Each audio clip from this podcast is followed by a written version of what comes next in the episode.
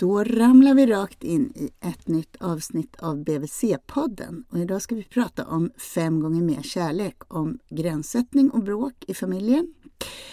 Jag heter Malin Bergström, jag är barnhälsovårdspsykolog i Stockholm och med här är Martin Forster. Och vem är du Martin? Eh, jag är också psykolog och jag har tidigare jobbat eh, kliniskt eh, inom både socialtjänst och psykiatri men nu är jag på Karolinska institutet där jag jobbar med undervisning och forskning. Blivande psykologer träffar jag framförallt. Mm. Och vad forskar du på? Barn och ungdomar och då handlar det mycket om insatser hur vi kan hjälpa barn och unga att må bättre. Och må bättre i vilket avseende? Ja, mycket har ju handlat då om barn som hamnar i mycket konflikter, bråkar mycket. Hur man kan hjälpa dem, främst via föräldrar, en del via lärare. Men sen också en del projekt som handlar mer om eh, barn som vänder känslorna inåt, nedstämdhet och oro och så. Mm. mm. Och du, om jag eh, vet, om jag är rätt underrättad så har du skrivit böcker om båda de sakerna. Dels mm. den boken som vi ska prata om här idag som heter Fem gånger mer kärlek. Men du har också skrivit böcker om Rädda Barn. Mm, det stämmer. Mm. Och vad heter de? Eller den? Eh, den heter Jag törs inte men gör det ändå. Mm. Och det är också så konkreta strategier för hur föräldrar kan hjälpa mm. Rädda Barn. Precis, som ju skiljer sig lite då från strategier när det handlar om konflikter och bråk. Mm. Eh, men idag ska vi alltså prata om en bok som heter Fem gånger mer kärlek. När kom den? 2009. Ja. Och det är en bok som jag måste säga som man ser ofta. Alltså när jag är ute både på BVC och när jag träffar psykologer och sådär så ser jag ofta den där gula ryggen i deras hyllor. Mm. Vad va, va handlar boken om? Den handlar om eh, man kan säga hur föräldrar kan göra. Det är fokus på föräldrarna. Vad ska jag som förälder göra för att få en så bra relation till mitt barn som möjligt och för att minska onödiga konflikter och bråk. Mm. Så att det är väldigt mycket fokus på detaljer i hur jag för, som förälder gör. Mm. Det är vad boken handlar om. Tror du att det är det som har gjort att den har blivit så poppis? Att det är just den där med detaljerna? Liksom? Det tror jag. Eh, att det funkar lite som en handbok. Att man som förälder kan läsa om ett exempel och så känner man igen sig och så står det sen förslag på hur man kan göra. Och det är väl många böcker som har det, så jag vet, jag vet, inte om den är unik i det avseendet. Men jag tror eftersom jag jobbat så länge då innan jag skrev boken med just rådgivning till föräldrar så uh, tror jag att det är många av råden som kanske är lätt att ta till sig då. Mm. Den känns liksom ganska vardaglig och mm. ganska, ja, jag tycker också man känner igen sig rätt ja. bra i den. Men du är också forskare Martin och det är en hel del vetenskapliga exempel i boken och liksom som stöd för det du mm. beskriver. Precis, och det var ju en, en medveten ambition att jag ville hitta forskningsstöd för saker jag påstod. För jag tycker att ett problem med diskussionen, debatten om föräldraskap i Sverige är att det är så mycket åsikter och så mycket debatt som inte grundar sig på kunskap egentligen. Mm. Sen finns inte kunskap om allt och en del saker går inte att ta reda på. En del saker handlar helt enkelt om värderingar, att man mm. tycker olika saker. Men jag tycker för att diskussionen främjas av att åtminstone titta på den kunskap som finns och så kan man ta avstamp i det. Mm. Och det kan jag tycka som psykolog också att jag menar det är inte så sällan som man hör att det där går inte att beforska. Mm. Att man säger mm. psykologi, ja det är liksom någon annan aspekt mm. av tillvaron och så. Just det. Men det gör det va? Ja, absolut. Jag menar, det, det är till exempel en sån här invändning man kan höra. Hur kan man, hur kan man eh, forska om hur barn mår egentligen? Hur kan man mäta det? Mm. Ja, man kan fråga dem till exempel. de kan tala om hur de mår. Ibland mer eller mindre bra, men, men det går absolut att forska på det här. Det är svårt många gånger, men det går. Mm. Du, den här titeln Fem gånger mer kärlek, alltså var kommer det ifrån? Mm. Ja, det, den kom ju till efterhand. Mm, I början hade den någon sån här torr titel som sån här uppslagsbok för föräldrar eller någonting. Men sen så märkte jag att ett genomgående tema i boken, också baserat på den forskning som jag sammanställde då, eh, var ju att eh, väldigt mycket av fungerande relationer eh, handlar om, eller för att få relationer att fungera, handlar om balans. Det vill säga att man inte tippar över i samspelet och att det börjar präglas av tjat, tillsägelser och själv. Eh, och det, just det här med fem gånger mer. När jag säger balans, då är det ju inte 50-50 och det var det jag tycker var intressant. Mm, mm. För att den forskning som finns då om hur vi människor eh, i relationer och i andra sammanhang upplever negativa händelser och positiva händelser visar att negativa händelser, som exempelvis en konflikt, tar mycket hårdare på oss mm. jämfört med motsvarande positiva händelser. Mm.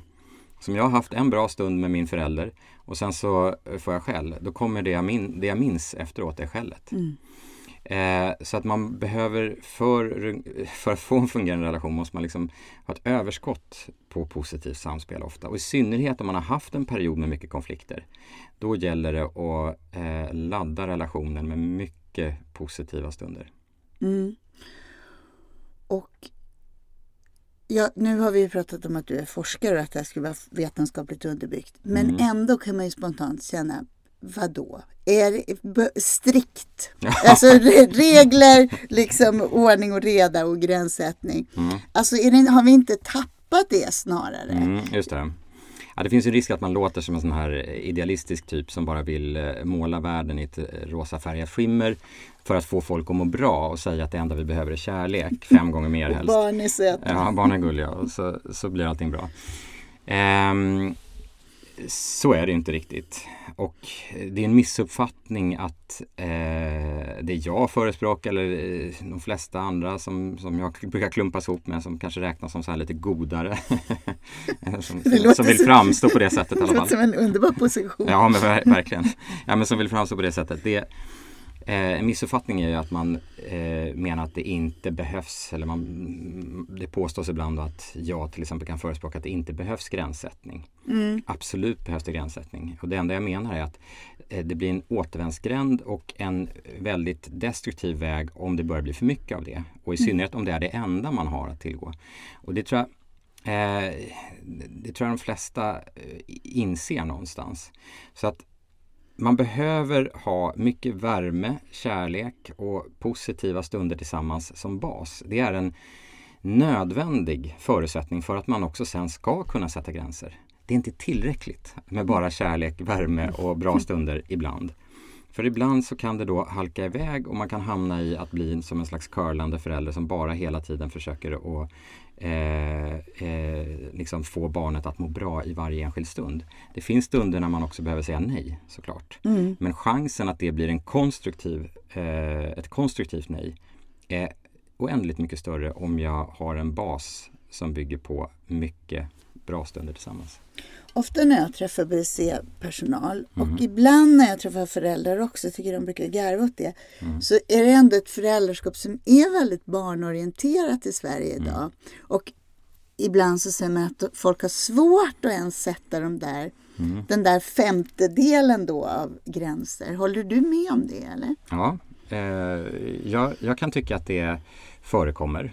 Eh, att föräldrar väldigt ogärna sätter de gränserna. Men Sen gör de det ändå i praktiken mm. men kanske på ett sätt som inte då fungerar så bra.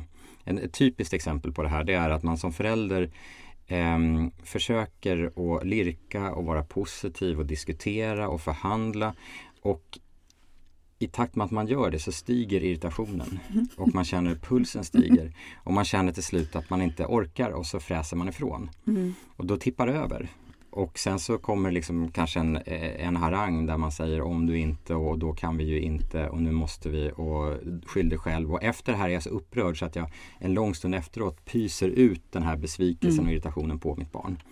Så att eh, det, man, man, brukar väl prata om så här tuff kärlek eller eh, att man har tydliga ramar där man är, där man är liksom bestämd mm. och i, i någon mening hård mm. utan att bli elak. Mm. Eh, det är också en del av ett föräldraskap som, som man ser i forskning då eh, bidrar till en bra relation och till att barnen utvecklas bra. Mm. För det är ju också så den där situationen du beskriver när jag mm. försöker lirka och gulla och liksom låtsas som att vi inte alls har bråttom till, till förskolan mm. utan att det här är något mysigt.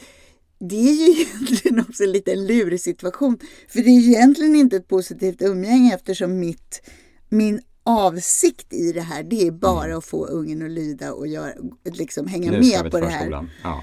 Så det, men det du pratar om när man tänker på goda stunder eller eh, för daglig lekstund som mm. du ska få förklara vad det är. Det ingår ju i det här konceptet fem gånger mer kärlek. Mm. Eh, det är väl egentligen stunder när du och jag de facto bara har det bra Ja. och jag inte vill något med den stunden. Exakt så. Och det, det är ju avgörande det du säger där. Vad är min intention som förälder här? Vad vill jag med den här stunden? Och eh, Eh, det exempel du tog där, att komma iväg till förskolan, det är kanske inte, man ska, man ska kanske inte ens ha förhoppningen på att det här kommer bli en bra stund tillsammans. Utan eh, det behöver inte bli en otrevlig stund, men det kanske inte är den här kvalitetstiden som jag eh, bör sträva efter i andra sammanhang. Mm.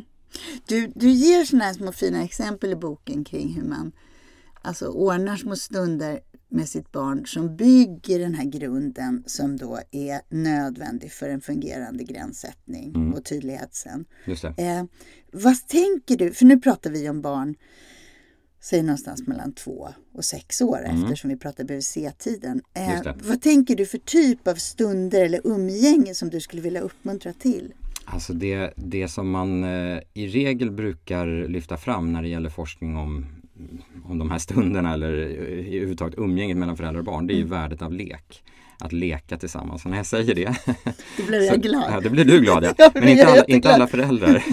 Nej, För- det är ett jäkla motstånd mot att leka Ja. nu för tiden. Ja, men det är många föräldrar som eh, tycker att det är direkt tråkigt. En del föräldrar kan tycka att det och jag har full förståelse för det. Jag, jag kan ju själv eh, sitta och genomlida en i, i mina ögon meningslös legolek med min tvååring. Som, som inte leder någon vart. Det blir inget bra, det blir ingen snygg matchning av färger. Ingenting funkar utan det är bara nonsens. Kan ju jag känna. Eh, men det som jag då faller in i där är ju att jag plötsligt börjar ha en intention med den här leken. En egen intention. Att det ska bli bra, att det ska bli snyggt, att det ska bli lärorikt eller någonting sånt där. Eh, och det som eh, eh, man har forskat på är ju snarare då lek där barnen styr helt. Och att jag måste ge mig hän i det.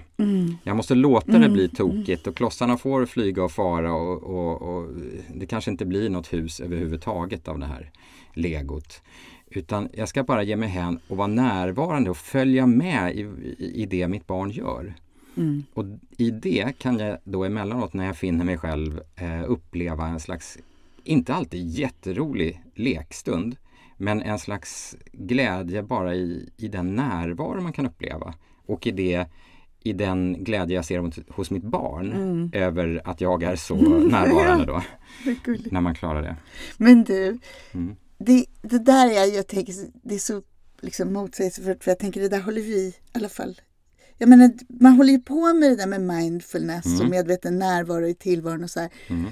Det som barnen egentligen bjuder oss på något sätt. Men är det inte så att man är lite skraj, särskilt kanske med en tvååring, Mm. för att hänga med? Därför att man vet att de kan ju dra iväg hur långt som helst och så är man rädd för att inte kunna stoppa det och då stoppar man redan innan de börjar färgsortera det där jäkla legot. Liksom. Absolut, och det gäller ju i ännu högre grad. Om jag återtar mig själv som exempel. Om man leker i köket och det börjar plockas fram mjölpåsar och liksom ska hällas vatten på olika ställen och sådär. Eh, så är det ju. Så att det kan vara bra att bädda eh, i en miljö och plocka fram saker där man tänker att här får vad som helst hända. Jag kanske tar fram den här mjölpåsen. Min sambo är mycket bättre på det där än, än vad jag är. Hon tolererar att det blir fullständigt kaos i köket. Och barnen älskar ju det. Mm. Det är fantastiskt för dem att bara fritt fram få röja bland eh, lådor. Sen får jag städa dem. Men, men, Men ja. det är också någonting med det här, alltså barndomens, eller småbarns behov av pendling, eller alla barns behov av pendling Mm. mellan det här kaoset och sen att det styrs upp. Mm. Där vi som vuxna så gärna vill ligga i mitten och svårt att låta dem ta ut de där Mm. svängarna. Det kan nästan bekymra mig med barndomen. Att man, jag tänker barn verkligen behöver det, även om det då är... Absolut. Men då är det ett konkret tips kring Mm. när man umgås med barn, att faktiskt våga ge sig hän i att okej, vi ser vart det här barkar då. Precis. Och där måste man ju också, en grundförutsättning där är ju att man har avsatt den tiden. Det är ju en, annan utmaning för föräldrar. När jag har jobbat med föräldrar med just den här saken så eh, brukar jag ju föreslå en kvart om dagen att man avsätter det.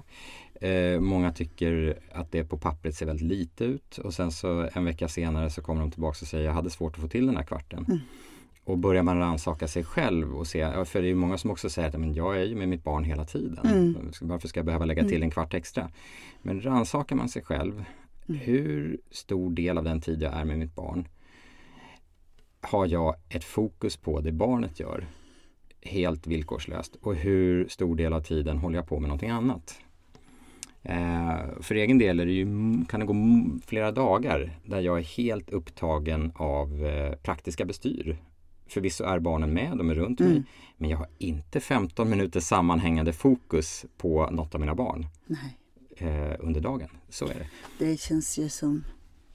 Jag håller med. Jag håller Mm. med. Om jag ser tillbaka på all barndom som jag har varit med om som förälder så är det verkligen så. Det är det. Men det är Mm. också så, det, i det här ligger då någon slags behov av barnet att känna att relationen är ömsesidig. Mm. Jag som liten är superintresserad av dig hela tiden. Mm. Och det som du då investerar i mig, det är att du visar detsamma ibland Mm. glimtvis. Och det menar du är något shit som blir kärlek. Verkligen. Det är det ju. Det är ju. Dels har man ju forskat om det här utifrån ett anknytningsperspektiv. Där man ser att om en förälder har sådana här stunder där man är väldigt närvarande, lyhörd och förutsägbar i samspelet. Eh, det generellt är ju någonting som eh, kännetecknar trygg anknytning. Mm.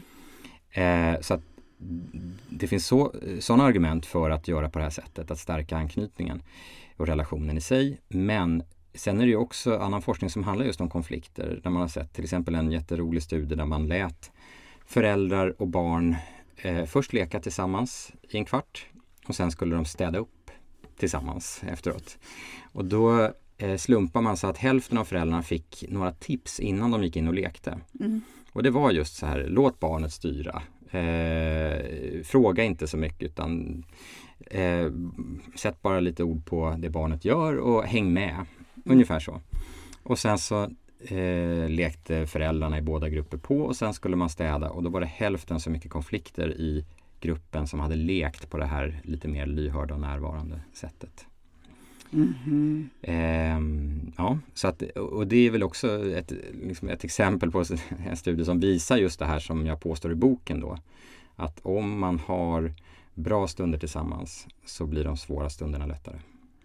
Så den här godheten har någon slags vetenskaplig Ja, grund är då? precis. Det är inte bara en eh, så att säga, romantisk föreställning. Du, det är ju också så att det är inte så att så här, åh, nu blir jag förälder till ett barn och sen så läser jag en bok. Utan Mm. det, man är ställs inför rätt olika verkligheter Mm, eh, verkligen. beroende på om man får en Märta som är sjövild och jäkligt bestämd eller en liten snäll viol som Mm. blir rädd om man höjer rösten. Liksom. Hur Mm, tänker verkligen. du kring det? Det är en jättebra poäng eh, som väl en viktig sak du tar upp tycker jag. För att eh, ibland kan det låta som att alla barn är lika och allt handlar om att föräldrar bara måste bli bättre och sätta mer gränser eller sådär så kommer alla barn att ordna sig.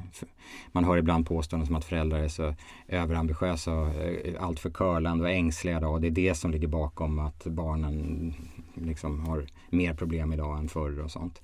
Det är rent nonsens till att börja med. Eh, och för det andra, vilket jag tycker är jätteviktigt, det är att det är lätt att säga sådana där saker och påstå att andra föräldrar är så klantiga och eh, veka. När man själv råkar ha fått barn som kanske inte alls har varit så, sån utmaning att, att leva med under de första åren. Eh, för att, och det är ju någonting som man har sett på senare år i forskning, att gener har en större betydelse än vad vi kanske tidigare har trott. Och eh, kanske i synnerhet i Sverige där man inte har pratat så mycket om det utan väldigt mycket om sociala faktorer och så. Gener har en stor betydelse så att man som förälder så får man ett antal kort på handen, det är barnen man får. Och de ser väldigt olika ut och kräver väldigt olika saker av olika föräldrar. Eh, Så det är jätteviktigt att komma ihåg. Och man lär sig väldigt olika grejer om sig själv av olika barn. Mm. Du, du sa så här, det där är nonsens. Mm. Och Som handlade om att man säger, psykisk ohälsa ökar i Sverige, Mm. eh, inte bara i Sverige, och att det skulle handla om föräldrar är slappa och Mm. så. Det så är det nonsens. Vad beror det på då? Ja, det vet man inte riktigt men det, det finns en del eh, kandidater i den forskning som man har gjort Eh, ingen av dem handlar om att föräldrar har blivit mer curlande eller slappa eller mindre engagerade eller någonting. Utan eh, främst är det väl eh, att villkoren för unga idag ser så mycket annorlunda ut än tidigare. Och det är också viktigt att slå fast att om vi tar svenska då, förhållanden, svenska barn mår inte sämre än tidigare utan det är svenska ungdomar som mår sämre. Framförallt tjejer. Och eh, Det finns klara samband mellan exempelvis hur ungdomsarbetslösheten förändras och hur barn och unga mår. Mm. Eh, eller hur ungdomar mår. Och, och där, eh, ett typiskt sånt där, bara för att få ett mer levande exempel, patienter som jag har träffat. En 14-årig tjej som är otroligt stressad över att få bra betyg. Som är otroligt stressad för att det är inte bara så att man ska få bra betyg, man måste klara varje prov. För det nya betygssystemet eh, ställer högre krav på att man ska prestera genomgående mm. i varje kurs på skolan mm. för att få ett bra betyg. Mm. Eh, hon får hela tiden höra hur tufft det är sen om man inte har en utbildning. Mm. Eh, och att det är omöjligt att få jobb om man inte har en utbildning, om man inte har en bra utbildning. Och sen ska man välja, utbudet på utbildningar har ökat. Eh, så att stressen runt att klara sig i skolan och att sen eh, klara sig framåt i livet, mm. det har ökat väldigt mycket. Mm. Och det är också då, eh, så, att, så att där kan man se att de som fortfarande går i skolan eh, sannolikt kan bli stressade av det här. Och sen de som kommer ur skolan och inte har fått ett jobb, den gruppen har ökat. Så de står också för en del av, av eh, den ökade psykiska ohälsan. De som varken studerar eller arbetar. Mm. Jag brukar också tänka att samhället är så komplext så att man förstår att det ställer krav på hjärnor som inte är färdigvuxna på ett sätt som Alltså bara mm. det i sig blir svårt att klara liksom utan svackor. Ja men absolut och det är väl en annan, nu tog jag bara upp en faktor mm. som man har tittat på. En annan sån där som är ganska tydlig förändring som sammanfaller med den här ökningen är ju att barn och ungdomar sover mycket mindre idag mm. än tidigare.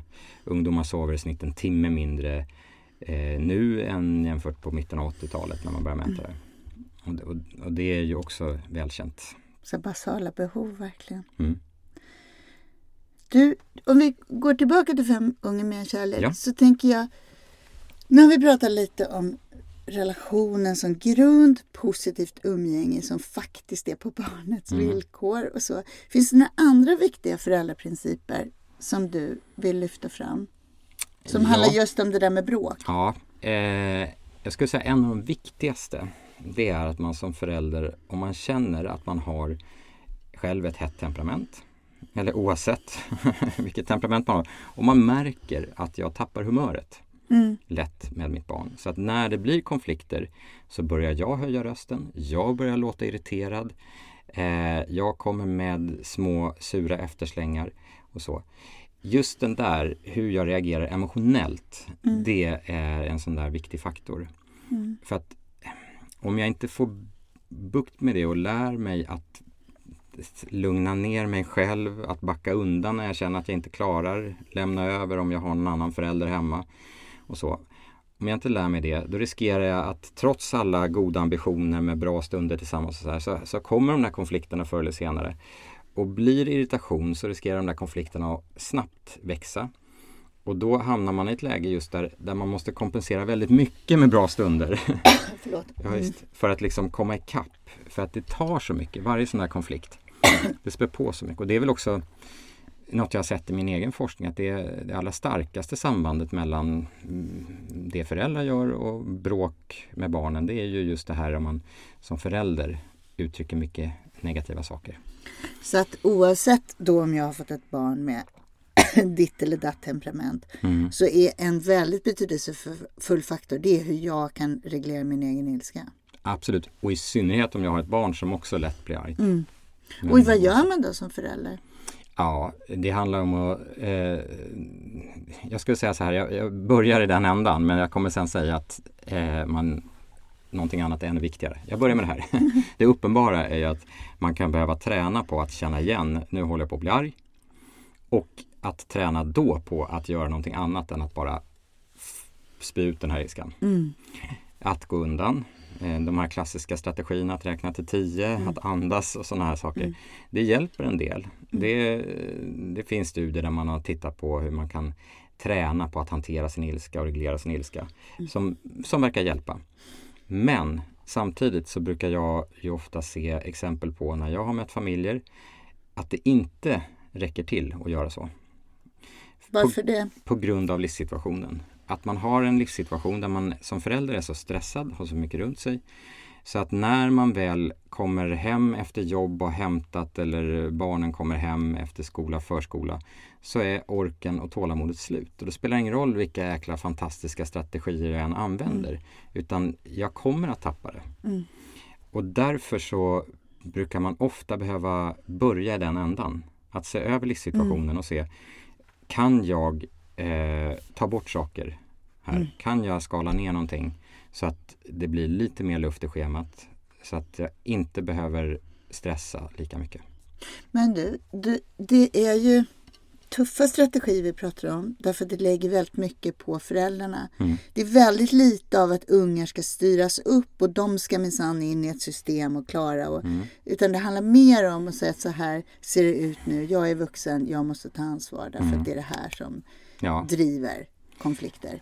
så är det och det är ju på det här sättet man styr upp ungar. Mm, För att om jag vill att mitt barn till exempel ska bli mindre ilsket mm, Det enda sättet jag kan åstadkomma det är om jag själv blir mindre ilsken och därmed visar för mitt barn hur man kan lösa en konflikt. Du sa så här nu Martin, det enda sättet som jag kan få min unge att bli mindre ilsken det är att jag blir mindre ilsken själv som förälder Mm. och därmed visa barnet hur man kan lösa en konflikt. Ja, just det. Det är ändå rätt heavy. Du menar att det är eh, hårda krav? Nej, jag bara menar att det är ett statement som man ändå vill stanna Mm. ja. upp vid. ja, just det. För Jag att, påstår det så. ja, men Ja. Då, för det är liksom ett budskap att ge. Ja, absolut. absolut. Alltså det, det, för alternativet att försöka prata barnen till rätta, för det är väl det man försöker med då. Eh, och även om man gör det i situationer där känslorna har lagt sig och kan uppleva att det blir bra samtal där man går igenom vad det var som hände och hur vi ska göra nästa gång och sådär. Så eh, är det väldigt svårt att nå framgång den vägen. Du, är barn för små för de här Barn, åldrarna? barn är för små, även med vuxna är det svårt. Alltså. Eh, man hamnar lätt i en loop där det är andra mekanismer som tar vid. Att efter en konflikt när känslan har lagt sig, att då kunna komma överens och förstå att jag gjorde fel och säga förlåt och allting. Det är lätt.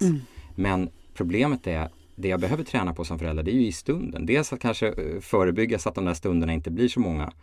Men också i stunden, hur gör jag då? Och om jag börjar tappa kontrollen, då kommer mitt barn börja tappa kontrollen i de stunderna också. Så att det här är, det vill jag nog påstå att det här, det här är det man kan göra. Så när vi pratar med trots, om trots på BVC eh, Ja, så är det vårt budskap. Mm. Att här måste vi gå in och se hur kan jag, hur kan jag göra mig själv mindre Mm. arg precis. för att fixa det här. Just det. Du, eh, vad är det som händer med barn någonstans där du har en tvååring själv? Mm. Eh, vad är det som händer med barn någonstans där två, tre års ålder? Det är så påtagligt att Mm. det är Alltså det, det är nästan en av de vanligaste grejerna som, som föräldrar vill prata om tycker Mm, jag. mm. Ja, det var väl därför du skrev boken Ja, också. det. Bråk Trots är det åldern. jobbigaste liksom. Ja, ja, precis. Djävulen får i dem. Nej, men ehm, det är ju intressant det här med trotsåldern. Det, I Sverige tror jag vi har haft en bild av att det är vid tre års ålder som Mm. den infaller. Men i amerikansk litteratur så pratar man om the terrible Ja, twos. precis. så då blir man ju lite fundersam på när kommer den egentligen? olika olika länder. Ja, kanske. det kan ju vara så. I Frankrike kommer den aldrig. Nej, just det, där är ju barn skötsamma bara. Ehm, ja, nej men eh, jag tycker ju kanske inte att det är en sån här jätteanvändbar eh, användbart att prata om trotsålder. Eh, alltså det, det, det är bra att prata om trots att det är normalt hos barn. Men att jag, jag min erfarenhet är att det kan komma lite olika genom hela upp, det finns liksom, Man kan prata om sexåringar som trotsar, man kan prata om elvaåringar som gör det. Det, det är liksom inte, eh, tycker jag, så uppenbart knutet bara till en viss ålder. Nej, verkligen inte. Men, men om man tänker att det ändå händer någonting. Mm. Jag tänker på BVC, nu har vi pratat mycket vid tre år om trots Mm. när ungarna precis har fyllt. Och då, jag menar det är ändå en påtaglig skillnad då jämfört med året efter när de blivit fyra. Absolut. Så det, vad tänker du om den perioden då? Ja, nej men eh, det finns inte, s- som jag har sett i alla fall, så jättemycket forskning om just det här. Vad beror trotsåldern på eh, och så. Men det finns ju en del närliggande forskning då som är intressant tycker jag. Dels är det ju eh, en forskargrupp som har följt stora grupper barn över tid och sådär försökt kartlägga vilka barn är det som mm, fortsätter att bråka genom livet, vilka slutar och sådär. Och en av deras slutsatser är ju att barn är ju aldrig så våldsamma som när de är två. Det, det är liksom piken i våldsamhet. Om man tittar på hur många gånger, hur ofta man klappar till någon eller sparkar någon eller bits och sådär. Eh, så är det så. Det är ett skönt budskap. Ja, det är det. Och det, i regel så dalar det där. För de allra flesta barn så, så sjunker det ju sen då. Och förklaringen brukar ju vara att barn får, lär sig helt enkelt andra strategier och får förmågor via språket. Att till exempel Mm. uttrycka behov eller känslor. Som man tidigare då när man är två och tre inte har. Mm. Så att en frustration löser en tvååring genom att bytas. Men eh, när de är fyra så kan de säga jag vill inte. Mm. Så att det handlar helt enkelt om att man lär sig att hantera sitt humör och sin Ja. personlighet på något sätt. Precis, precis. Mm. Eh, så det är en sån förklaring. Och att de, de mindre barnen de, inte, de har ju inte förmågan riktigt ändå att ens trotsa. Så att där- därför så kanske de Därför dyker det väl upp här när barnen börjar bli mer eh, förmögna och rörliga och eh, kan kommunicera till viss del. Det är då de kan börja säga nej och sånt. Då kommer trotsåldern. För att de kan trotsa. Men de kan ännu inte kanske reglera sina känslor på annat sätt. Och plötsligt krävs det någon annan föräldrastrategi kanske också då. Ja. Men du, om man backar från den åldern och Mm. tänker redan innan det där, för jag tycker ibland att föräldrar med 18 månaders barn säger Mm. att det här är trots, Mm. liksom. Vill ju stärkas med ungar som precis har lärt sig kuta och inte har Mm. omdöme och så. Mm. Men vad, hur kan man, om man vill lägga någon grund för fem gånger mer kärlek så är det klart man gosar med en bebis. Men Mm, mm. är det något annat man kan tänka på? Ja, eh, jag tycker att det är relevant att liksom titta på hur samspelet då, om vi pratar om de här onda cirklarna som kan uppstå med äldre barn som är lätta att se med äldre barn. Att, att jag som förälder till exempel, som vi var inne på, själv eh, eh, blir arg och tappar kontrollen och så smittar det till barnet. Det gäller ju även en 18 månaders, Mm. eh, ett 18 månaders barn. De läser ju av, alltså ettåringar, eh, 12 månaders kan ju läsa av känslor och förstå känslor hos föräldrar och ännu tidigare än så. Mm. Så att det, är ju, det är ju tidigt som man etablerar ändå eh, ett samspel som, eh, som har betydelse för hur barnet sen utvecklas. Mm.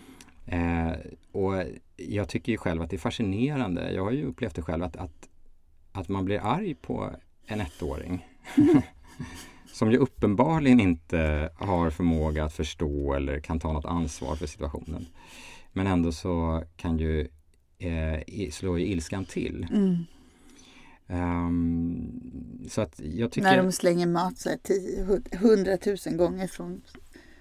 Det spelar ingen roll hur man Nej. reagerar riktigt. Och Nej. Det är som ett program i hjärnan att de Ja. måste testa liksom. De måste testa och jag blir arg. Mm. Ehm, ja, men så det är väl eh, generellt eh, ja, att det är eh, ungefär samma saker tycker jag som gäller för yngre barn. Eh, det vill säga att det är fortfarande bra att få till stunder där jag är helt fokuserad på min ettåring, ett och ett halvt åring. Mm. Och man kan ju se ibland om man själv är utpumpad som förälder, som jag har varit många gånger, och så, så kommer kanske mor och farföräldrar och leker lite med den här bebisen och plöts, som plötsligt skiner upp som en sol. Ja, dels är det något nytt som händer och sådär men även när mormor och morfar har varit där ett tag så ser man liksom hur det flyter på Mm. för att de är helt närvarande. Mm. De hänger med och tar upp och bollar och, och, och liksom samspelar med det här lilla barnet hela Mm. tiden på, på ett närvarande sätt. Och det är ju det är tufft, man orkar inte som förälder göra det och då är det lite bra att försöka tänka att jag gör det en stund i alla fall. Anger management. Mm. Du, jag tänker avslutningsvis på alltså vad händer i relationen?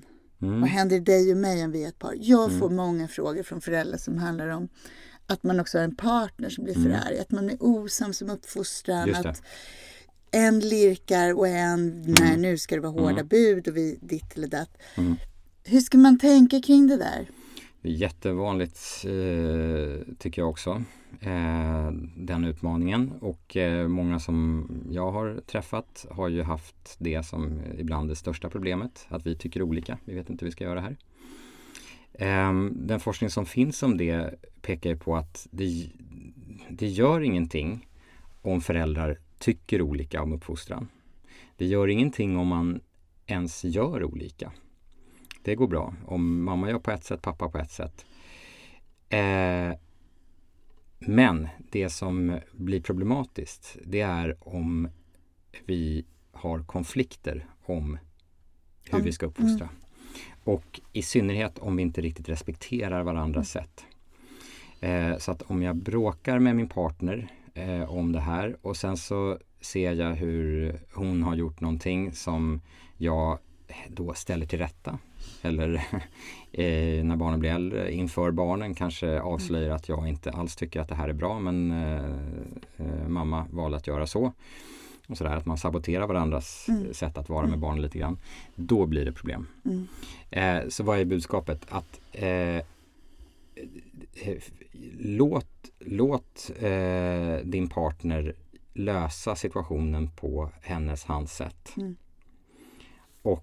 Eh, acceptera att det inte blir precis så som du har tänkt dig. Låt det bara vara. Men ändå att ha en övergripande princip för båda föräldrar som handlar om att hålla på och bråka och trappa upp konflikter och att på, liksom, nu minsann ska jag med min ilska mm. ställa till rätta saker det är inte vägen att gå. Det är inte vägen att gå. Och det, det som jag nyss sa här, att man ska respektera varandras sätt mm. och låta dem göra som de vill.